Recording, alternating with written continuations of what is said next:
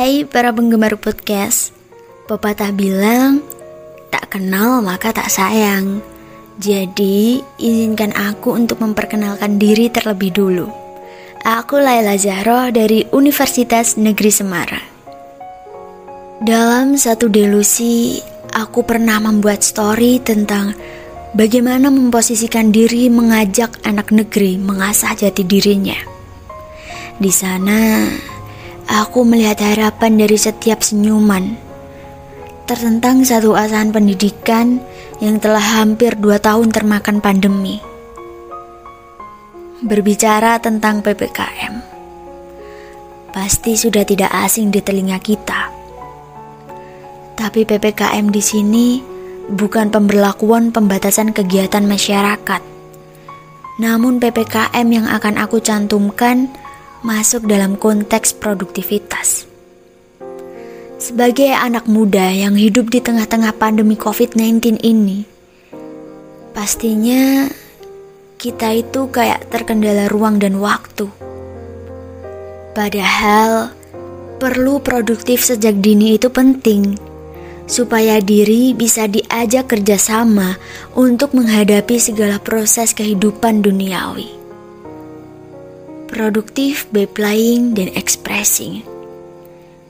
Cetusan yang pertama muncul dalam pikiranku, di mana produktif bisa dibentuk dengan bermain dan berekspresi.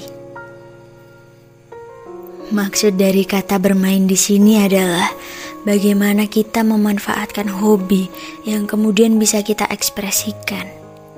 Itu kan kayak sebuah hal yang bermanfaat juga bagi kita. Sebuah bentuk produktivitas yang gak secara sengaja kita lakuin gitu. Apalagi sebagai seorang pelajar ya. Tiap hari harus bangun pagi, menyiapkan laptop, jaringan internet, dan segala macamnya. Kayak kita itu dituntut untuk bagaimana bisa benar-benar memanage waktu dengan baik gitu. Apalagi memanage pikiran, itu yang paling susah dari sudut pandangku.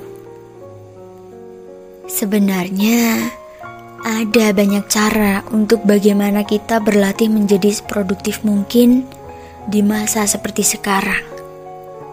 Tugas siswa dan mahasiswa boleh banyak, boleh banget malah. Tinggal kita saja bagaimana memanage itu menjadi sebuah produktivitas yang nantinya memberi hasil untuk diri kita sendiri. kita itu patut bersyukur, walau dengan kejamnya, pandemi ini enggan untuk pergi.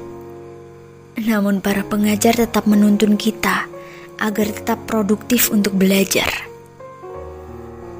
Sekarang, izinkan aku untuk menyampaikan salam kasih kepada yang terkasih Bapak Ibu guru serta dosen. Terima kasih dengan segala tenaga engkau mengajak setiap anak muda untuk tetap mendapat pendidikan yang semestinya. Walau dengan tetap berusaha, menahan pedihnya layar tempat kita berdiskusi setiap harinya. Tadi aku sempat menyinggung, sebenarnya ada banyak cara untuk bagaimana kita berlatih menjadi seproduktif mungkin di masa seperti sekarang. Salah satunya dengan melakukan kegiatan positif, seperti menyalurkan hobi atau kegiatan lainnya yang membuat kita bahagia pastinya. Produktif versi orang itu memang berbeda-beda. Porsinya pun juga berbeda. Aku analogikan seperti ini.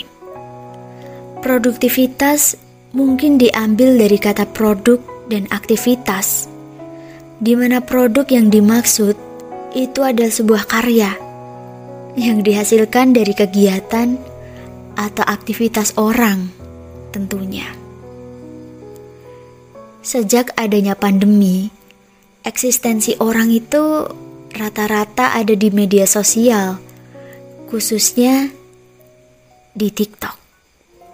Ini bukan sebuah masalah. Aku nggak bilang ini sebuah masalah, melainkan ajang untuk berekspresi, menghasilkan sebuah karya tentunya. Mungkin itu yang disebut sebagai tingkat keproduktifan anak muda di masa ini gitu. Ya, gak apa-apa gitu. Itu bukan sebuah masalah. Kalau dari aku sendiri, saat ini sedang mendalami podcast. Sebagai apa? Sebagai bentuk produktif selain menjadi mahasiswa. Tempo hari, aku ingat ketika aku mempromosikan podcast Air Rindu, itu sekitar jam setengah sebelas malam. Teman aku komentar begini, ini anak produktif banget, tugas banyak, tapi tetap post di Spotify.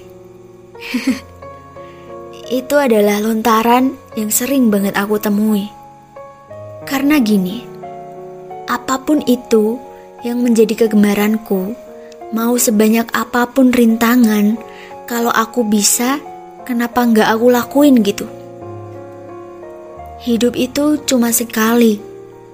Jadi kejar apa yang nantinya bisa menjadikanmu berarti di masa depan walau dengan tindakan kecil di masa kini. Yang terpenting sih, jangan lupa bersyukur dan selalu optimis.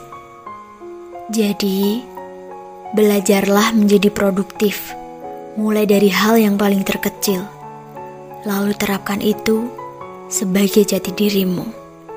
Aku Laila Zahro, sampai bertemu di lain waktu.